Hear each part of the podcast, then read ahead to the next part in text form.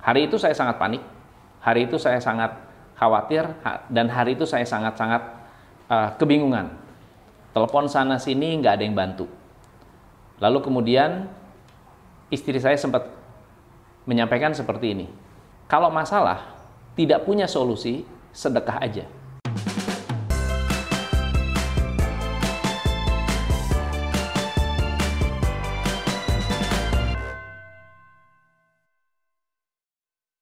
Teman-teman, hari ini saya mau sharing tentang kejadian yang baru saja saya alami di tanggal 30 Desember tahun 2020 kemarin.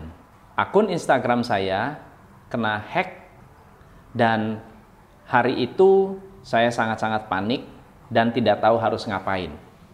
Ceritanya, saya mendapatkan kabar dari Instagram bahwa saya melanggar ketentuan mereka dan akun saya akan ditutup.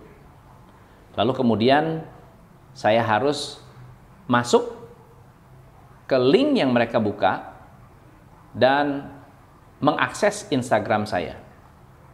Ketika saya masuk, saya sadar bahwa ini adalah hacker. Tapi sudah terlanjur meskipun saya memasukkan password yang salah tapi ternyata virusnya sudah masuk dan Instagram saya bisa terdeteksi passwordnya karena tidak saya proteksi. Hari itu saya sangat panik, hari itu saya sangat khawatir, dan hari itu saya sangat-sangat uh, kebingungan. Telepon sana sini nggak ada yang bantu. Lalu kemudian istri saya sempat menyampaikan seperti ini. Kalau masalah tidak punya solusi, sedekah aja. Saya betul-betul menerapkan apa yang sering kali saya ceritakan, sering kali saya dapatkan, dan akhirnya saya memang melakukan. Waktu itu saya ada di Anyer, dan kalau kita pergi ke daerah, banyak sekali dalam perjalanan orang yang minta sumbangan, ada masjid yang sedang dibangun, semua kantong saya sedekah. Pokoknya saya sedekah aja. Saya nggak mau pusing, saya berbuat baik, karena mungkin Instagram saya kena hack karena kesalahan saya juga. Mungkin ada masalah yang saya pernah uh, lakukan, mungkin uh, ini adalah sebuah ganjaran buat saya. Dan yang menarik adalah setelah saya banyak bersedekah, ada hal yang berbeda. Tiba-tiba saya merasa lebih tenang, tiba-tiba saya merasa lebih nyaman, tiba-tiba saya tidak ketakutan lagi, dan akhirnya saya sempat mengatakan, kalau memang ini bukan jodoh saya, saya relakan. Tanggal 31 malam, Facebook mengontak saya.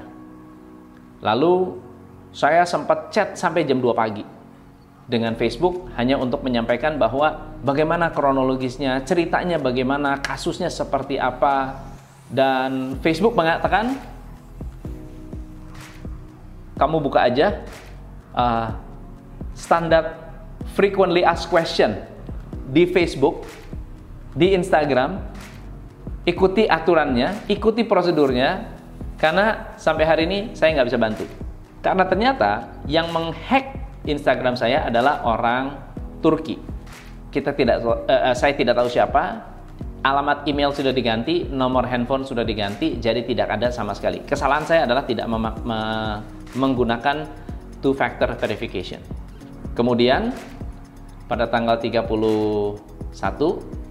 selesai tanggal 1 kira-kira pagi-pagi saya dapat uh, saya minta teman-teman untuk memblokir mereport akun Instagram saya karena itu bukan milik saya.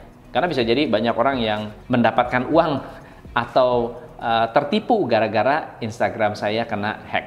Pada saat saya mengumumkan ke semua Eh, teman-teman, saya minta tolong, tolong direportkan ya, bantu report.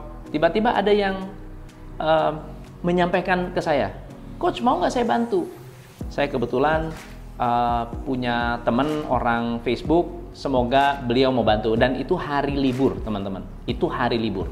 Caranya begini aja dia sampaikan. Oh caranya masukkan masukkan uh, alamatnya, bikin ini, bikin kronologisnya dan sudah dipandu lah pokoknya. Intinya dipandu. Basically sama, cuma perbedaannya adalah ada orang dalam yang ikut memonitor. Lalu saya bilang, ya oke okay lah, mau dibantu nggak? Ya udah saya bantu. Bayar berapa? Nanti deh saya tanyain.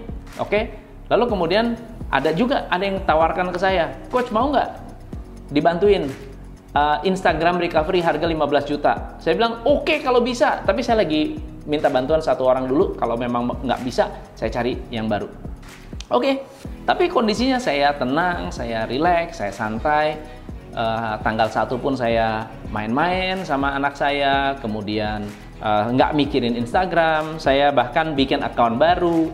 Lalu kemudian tanggal 2 jam 12.30 saya dapat insting, iya firasat. Coba deh buka email. Eh, waktu saya buka email, tiba-tiba saya dapat email dari Instagram untuk buka Instagram dan ganti password. Coba bayangkan, seolah-olah ada yang mengirimkan, lalu tiba-tiba Instagram mengirimkan saya uh, ganti password, lalu saya ganti password.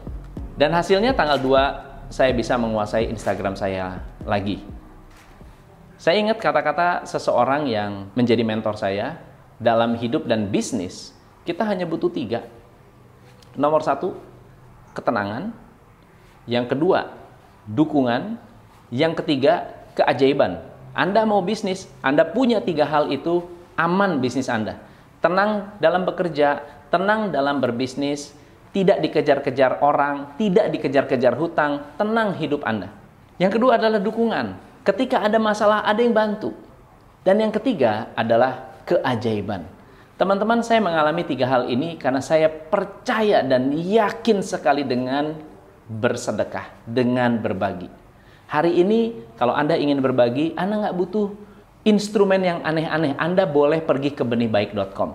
Anda masuk ke benihbaik.com, Anda lihat mana orang-orang yang menyentuh hati Anda dan belajar untuk berbagi.